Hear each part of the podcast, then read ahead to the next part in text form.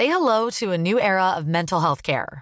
Cerebral is here to help you achieve your mental wellness goals with professional therapy and medication management support. 100% online. You'll experience the all new Cerebral Way, an innovative approach to mental wellness designed around you. You'll get a personalized treatment plan from a therapist, prescriber, or both in a safe and judgment free space. Your cerebral therapist or prescriber will outline a customized plan with clear milestones along the way so you can get to feeling your best. With Cerebral, you're not alone in your mental health journey. We're here to empower you to live a fulfilling life. So take that first step towards a brighter future and sign up today at cerebral.com slash podcast and use code ACasts to get 15% off your first month. Offer only valid on monthly plans. Other exclusions may apply. Offer ends July 31st, 2024. See site for details. Hey, I'm Ryan Reynolds. Recently, I asked Mint Mobile's legal team if big wireless companies are allowed to raise prices due to inflation. They said yes. And then when I asked if raising prices technically violates those onerous two year contracts, they said, What the f are you talking about, you insane Hollywood ass? So to recap, we're cutting the price of Mint Unlimited from $30 a month to just $15 a month. Give it a try at mintmobile.com slash switch. $45 upfront for three months plus taxes and fees. Promo for new customers for limited time. Unlimited more than 40 gigabytes per month. Slows. Full terms at mintmobile.com.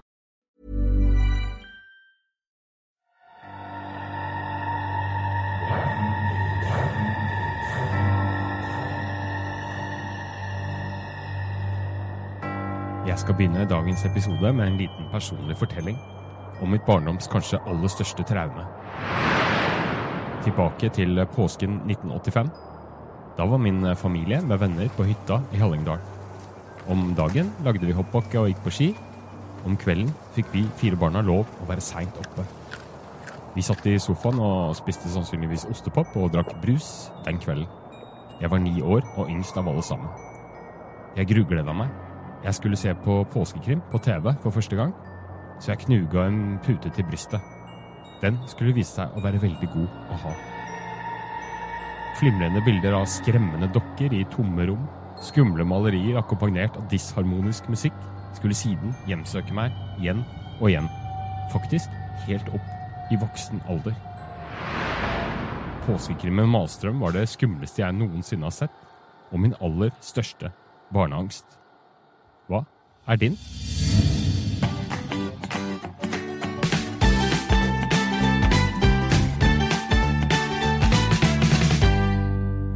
Hei og hjertelig velkommen til denne podkasten som heter Foreldrekoden, eh, og består av meg, Bjørn Egil Halvorsen, og deg, Hedvig Montgomery. Vi skal snakke om barneangst, eh, hvorfor barna blir så redd av alt mulig rart, og hvordan eh, man får de til å bli mindre redd igjen. Hedvig, grunnleggende sett, hva er egentlig angst? Eh, angst er i utgangspunktet noe vi alle sammen har, for det, det er alarmberedskapen vår eh, skrudd på fullt. Eh, angst er det du kjenner når noen ting skremmer deg så mye at tankene slutter å virke. Eh, og sånn sett så kan du si at det absolutt er en normaltilstand. Vi opplever det alle sammen, og vi har det alle sammen. Eh, men den skal ligge et stykke opp for oss voksne, dvs. Si at det skal litt til før den eh, klikker inn. Og så kan du også si at angst det er jo den der sterke frykten, og vi kaller det ikke angst før den er irrasjonell. Det vil si at at den er sterkere enn det det er grunnlag for. Så hvis du er skikkelig, skikkelig, skikkelig redd i en situasjon som er farlig, så er ikke det angst. Det er en eh, frykt du skal ha. Uh, mens er du skikkelig, skikkelig, skikkelig redd for hunder som går i bånd, Eh, så, så, vil vi kunne si at det er en angst, fordi der er ikke grunnlaget helt til stede. Men som du hører, det er litt sånn når er det rasjonelt, og når er det irrasjonelt? Det kommer an på hvem som forstår. Eh, når er det på sin plass, og når er det noen ting som bare er skadelig for deg? Og det kommer igjen an på hva slags liv du lever. Eh, hvor fort kommer den? Det kommer den. Det kommer an på hvor stresset du er. Er du veldig anspent, så vil du fort fortere gå opp på et nivå eh, hvor du kjenner at du blir helt slått ut av frykt. Så, så, det er mange ting som spiller inn. Det er sånn sett ikke én ting, men både en følelse og en forståelse av følelsen. Ja, og hva, hva Er det noe som skiller da, eh, den typiske barnefrykten eh, slash angsten fra de voksnes? Ja, altså, når du hører hvor mange faktorer der inne her, så er svaret på det helt ubetinget ja. For det første, hva som fremstår som skummelt for et barn, vil være annerledes enn det som fremstår som eh, skummelt for en voksen. Så barn kan oppleve ting de selv opplever som helt reelt farlige situasjoner, som de voksne syns at det bare er å slappe av på. Men det hjelper jo ikke når du snakker til et barn som allerede er redd, har sluttet å tenke. Uh, det andre som, som er eh, spesielt med barn, det er at det å håndtere følelsene sine, det å roe seg ned, det å tenke ja, men det går bra, det er en ting som krever en ganske stor modenhet av hjernen, og den har ikke barna. Så det er, eh, det er to skiller. Og så er det enda et skille som er ganske interessant, som vi ser spesielt når barna kommer opp i 10-11-12-årsalderen. Det er at de kommer opp på et nivå hvor de begynner å skjønne at det finnes farlige ting her i verden. Men de har ikke makt eller lov til å håndtere verden selv, eller mulighet. Eh, så det vil også si at vi har noen år der hvor barna er redde for de store tingene, fordi de rett og slett skjønner dette her med krig og fred og, øh, og hvor farlig livet kan være. Kan de da begynne å bekymre seg for klimakrisen f.eks.? Bli redd for det? Klimakrisen, innbrudd, øh, at det skal begynne å brenne på, på, trikken. Altså De får rett og slett en kapasitet til å tenke disse scenarioene som de ikke har hatt før, uten at de har noen som helst innflytelse på dem de blir nødt til å ta trikken. De er nødt til å komme hjem etter skolen selv når de er redde for uh, innbrudd. Uh, jordkloden er nå her, uh, og vi er nødt til å håndtere den etter beste evne, men de kan ikke gjøre så mye til eller fra. Så deres kapasitet til å tenke de store tingene uten å egentlig kunne gjøre noe med dem, gjør at 10-11-12-årsalderen er ekstra sårbar. Ja, altså de, de, de, kan i verste fall gå inn i en sånn krisestadie, da, på en måte? Mm. I verste fall så, så, går de rett og slett helt i lås. Uh, og blir egentlig i den låsen helt til de er i stand til å, å, begynne å gjøre ting selv. Akkurat. Hvis vi går litt tilbake, kan du ta oss gjennom de typiske stadiene for uh, typer av frykter eller, eller, eller, angst, da? Mm. Altså De minste barna er jo redde for de høye lydene og de brå tingene. Uh, og det vil jeg jo ikke engang kalle angst, det vil jeg jo kalle som, som reflekser og reaksjoner på verden der ute. Når de blir litt større og språket og fantasien skrus på, dvs. Si fra ja, toårsalderen og oppover, så blir de redde for ting de drømmer, ting som kanskje kan ses på en annen måte. Dette er monster under senga-fasen. Ja. Uh, og det kommer litt brått på, fordi at frem til to år så virker barna så trygge. Uh, men med dette, denne fantastiske verden som språket åpner, så åpner jo også muligheten for å skremme seg selv. Uh, ja, det, fordi at, Unnskyld at jeg avbrøt deg, men, men ja, det har jeg lurt på. Fordi min sønn, da Jeg prater mye om han, men sånn blir det litt. Det er mitt nærmeste konkrete eksempel på barneverden. Eh, han eh, mm, var eh, Hver gang jeg tok fram støvsugeren, så var det null problem. Det var faktisk ganske morsomt inntil han var sånn cirka Jeg er litt usikker, men kanskje halvannet år. Og da var det noe av det verste i verden. Som et sånn krypende monstrøst innslag i tilværelsen. Mm. Er, det, er, det, et eksempel på dette? Det er et godt eksempel, men det er også klart at nå har han som halvannetåring så har han jo også sett at allting bare går rett inn i magen. Og når det har gått inn i magen, så går det ikke an å få ut igjen. eh, og det lager en skummel lyd, så da får du også lydelementet inn.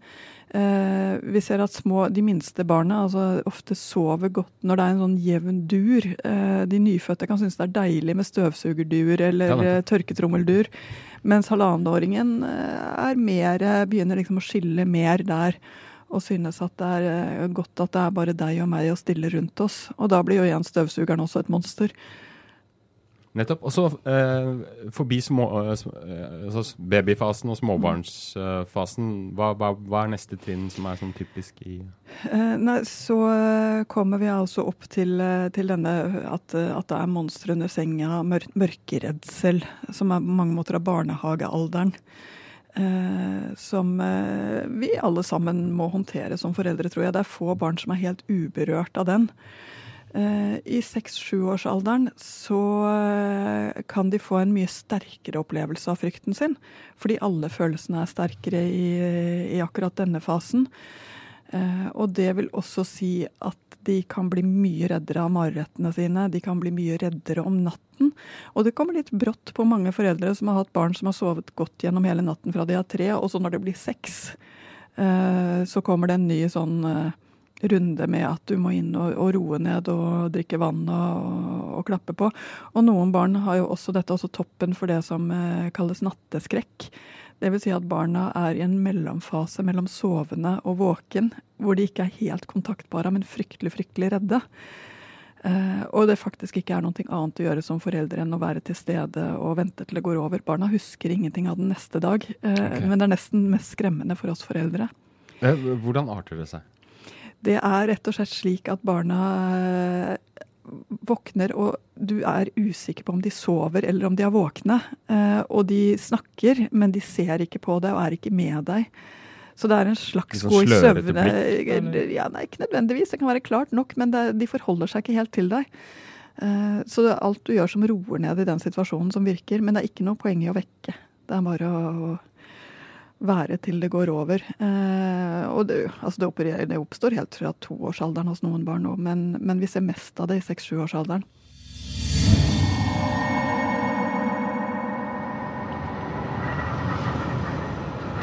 Da har jeg tatt meg en tur ut på gata i Oslo. Og på en fin vårdag så lurer jeg på hva er barn redd for her og nå?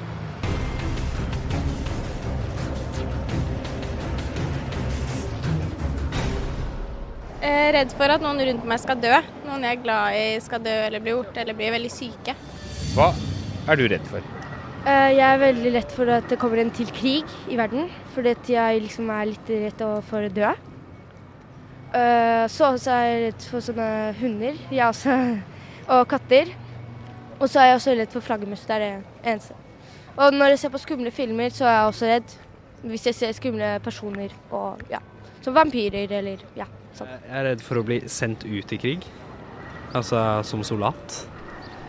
Um, mest fordi det er uh, helt forferdelig krig generelt, og det å bli sendt ut til det uten å ha så mye meninger om uh, det er bra eller ikke, det virker ganske jævlig. Og Hvor gammel er du nå? Jeg er 17. Tror du det er uh, realistisk at det kommer til et sånt scenario? Ja, jo. Ja, jeg, jeg tror kanskje det kan skje. Hva er du redd for? Å gå nærme stup, i hvert fall. Og møte fulle folk på gata. Har det skjedd noen gang? Mm, jeg har gått nærme stup, ja, men da var jeg ganske redd. Men jeg har ikke møtt noen fulle folk, i hvert fall. Håper du unngår det, da. Ja. Men eh, jeg har sett noen fulle folk, men da gikk jeg unna. Eh, akkurat i dag så jeg vet ikke om jeg er redd for noe spesielt. Da du var liten, da? Da var jeg nok redd for mørket. Men uh, da har jeg funnet ut at uh, det er ikke så skummelt. Uh, for å bli mindre redd, så leker jeg f.eks. med søte kosedyr. Da roer jeg meg ned, og da forestiller jeg meg at alt kommer til å gå fint. Jeg må ikke tenke på det lenger, og ja.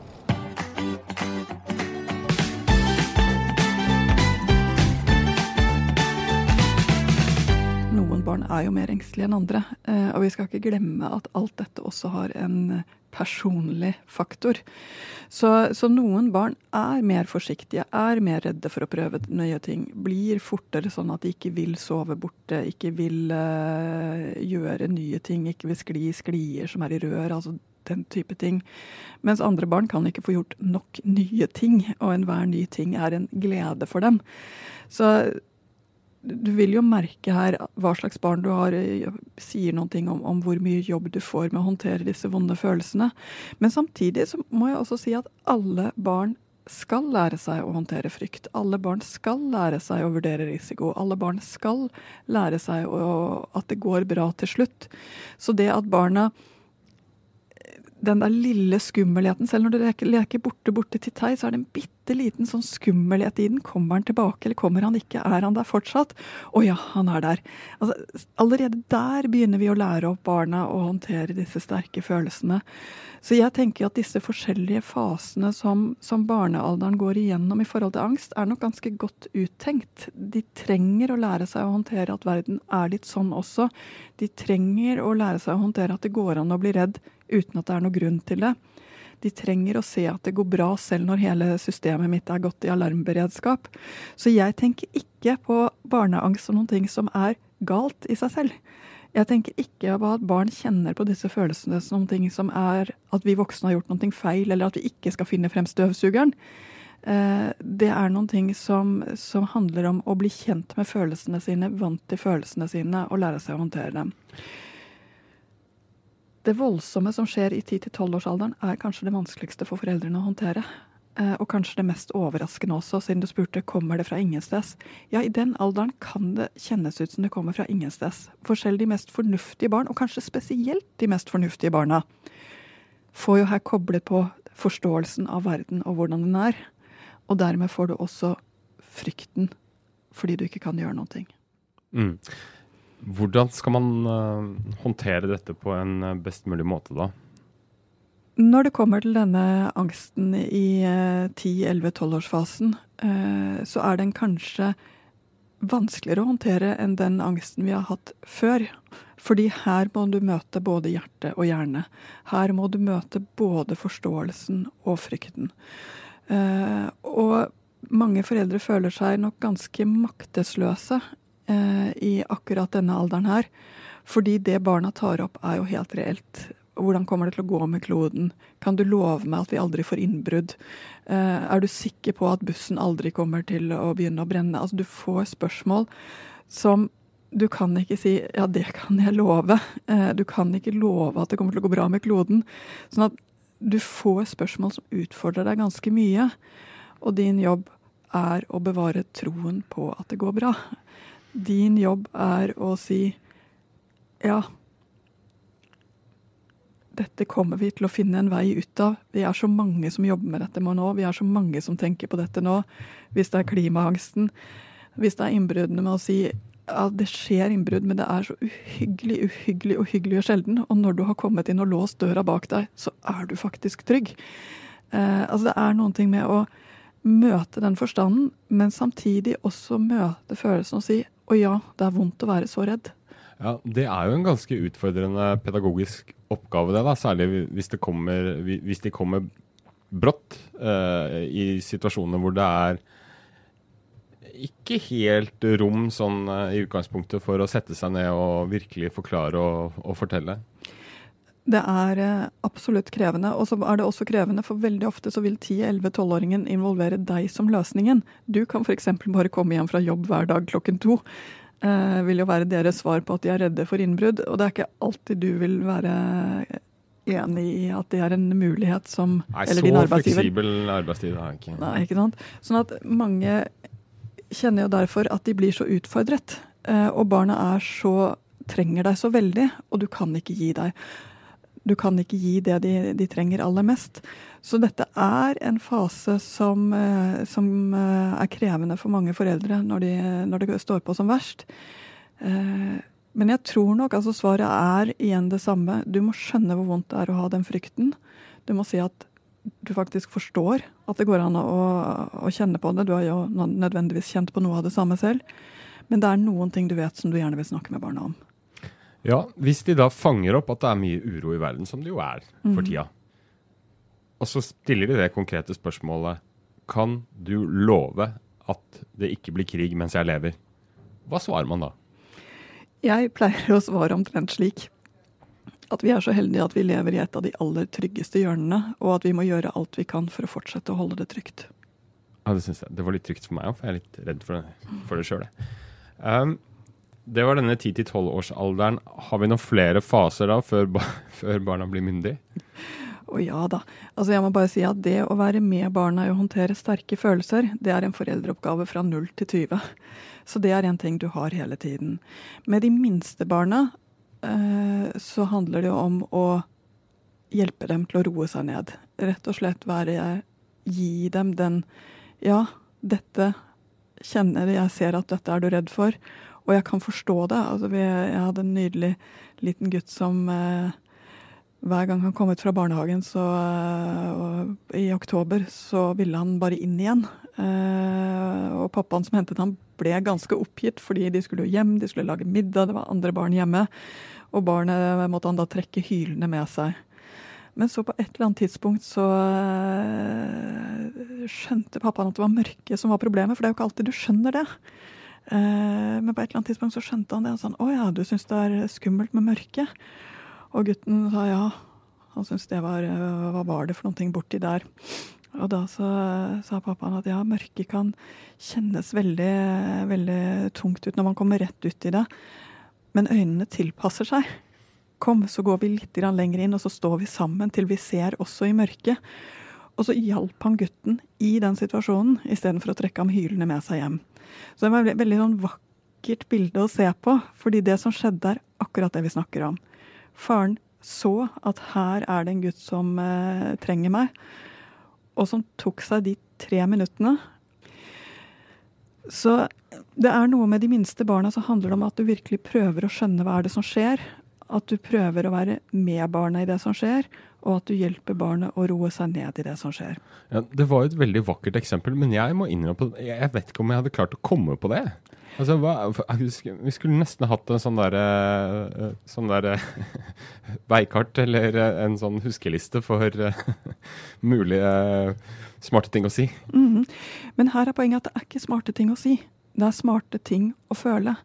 Og det som skjer her, som er så fint når jeg står og ser på, det er at jeg ser en far som virkelig går ned på barnets høyde og ser hva er det for noe i denne situasjonen. Pappaen kobler seg på gutten sin. Hva er det for noe du står her og kjenner? Og han, pappaen gjør også en ting som er veldig vakkert. Det er Nei, barn har ikke følelser uten grunn. Det er en av de største misforståelsene vi har. Barn skriker ikke for å teste deg eller for å gjøre seg vanskelige. De, de har følelser som er der av en grunn. Så her er pappaen på jakt etter den grunnen. Uh, og han er det sammen med gutten. Så jeg tenker ikke på dette som en smart ting å si. I det hele tatt tror jeg ikke det er så smarte ting å si som forelder. Men det er noe med å være med istedenfor å være mot.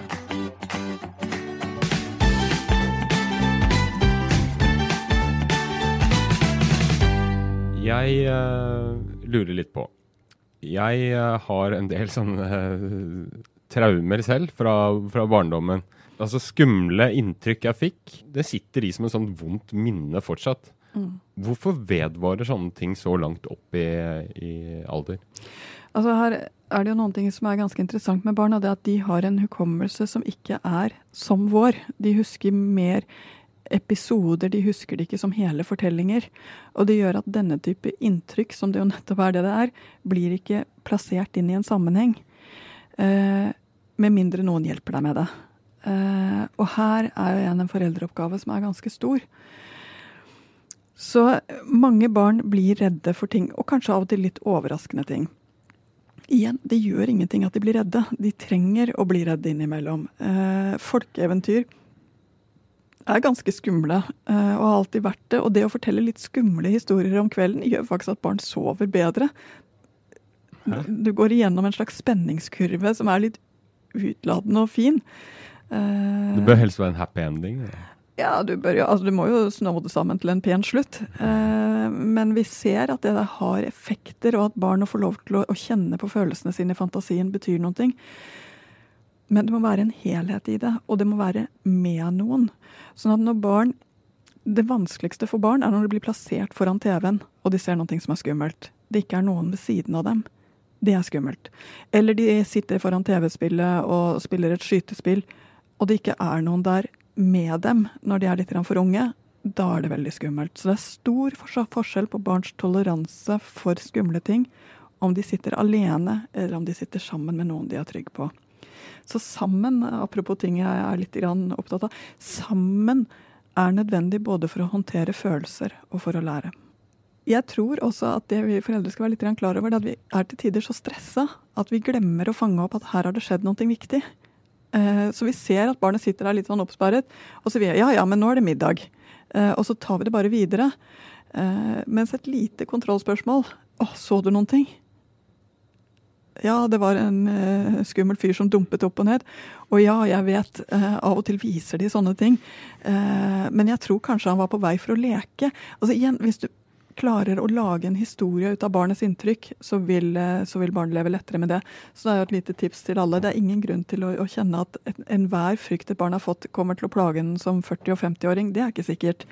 Men du kan hele tiden hjelpe til med å lage mening. Så vil man jo gjerne være den trygge, gode forelderen som uh, ikke er redd for noen ting, men sånn er vel ikke nødvendigvis tilfellet. Man, man, har sine egne frykter også. Og hvordan uh, unngår man at det blir en sånn overførbar sak til uh, barnet?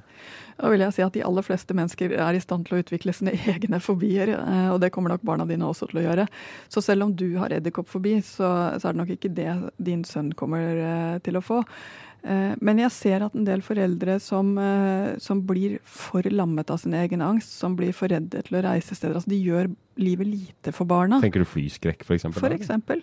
Eh, eller at de blir redde for å dra på hytta, fordi der er det edderkopper, eller hva det nå kan være for ting. Altså Der hvor dette styrer for mye, så lager det et lite liv for barna. Så er du så heldig at du har barn og har en fobi som begrenser livet ditt, eller en skrekk som begrenser livet ditt, så bør du faktisk søke hjelp for det. Finne en måte å komme deg forbi det selv. Sånn at du ikke lager et lite liv for barnet ditt hvor dere unngår ting som ellers kunne ha gitt glede. Eh, men jeg er ikke spesielt redd for i seg selv at, eh, at din bakteriefobi eller din eh, frykt for Eh, for at barna skal drukne. At det i seg selv går automatisk over, det gjør det ikke. Men det som er problemet, er at barn ikke får plass nok til å utfolde seg. Hvis vi skal liksom huske én do eh, og én don't når, eh, når, barna blir sånn skikkelig redde, hva er det? Duen er koppel deg på med både hjerte og hjerne. Skjønn at dette er et, en vanskelig situasjon for barnet, og at det er du som kan hjelpe barnet videre. En don't er ikke kjeft på et barn som er redd. God huskeknagg på slutten. Eh, vi håper dere har eh, fått nytte av eh, det vi har snakka om nå. Kikk innom vår Facebook-gruppe. Der er det livlige, fine diskusjoner. Eller så kan du sende en mail til foreldrekoden at aftenposten.no hvis du har tips, råd selv, eller tilbakemeldinger av alle slag. Takk og hei! Vent, vent, vent, vent, vent, vent. vent. Vi er ikke helt ferdig. Jeg nevnte påskekrimmen Malstrøm i starten av episoden. Og jeg føler meg på en måte forplikta til å fortelle hvordan vi kurerte angsten for denne serien. Jeg sier vi, for det var flere enn meg som fikk arr på sinnet. Jeg ringer min venn Jørn. Yes. Den var veldig, veldig skummel. Noen sånne scener som brant seg inn i netthinnen. Alle dukkene, det er vel det alle husker. Eh, og den brannen Nå håper jeg ikke noen uh, får serien avslørt, men uh, hvor de smelter på slutten. Oh. Det var ekkelt. Alle dukkene var ekkelt. Vi, vi uh, fikk tak i fikk tak i serien, og så skulle vi se den i voksen alder for å for å prøve å behandle dette her.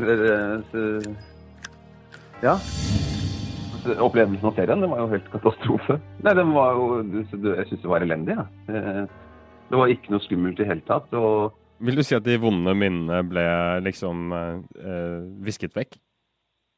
Ja, absolutt. Hva blir du redd for i dag, da? Ting som ikke Altså som spiller på psyken din. Ting som ikke blir på en måte avslørt i uh, film eller serien. Altså når, når monsteret er ute, så har jo sett det. Da er det ikke noe skummelt lenger.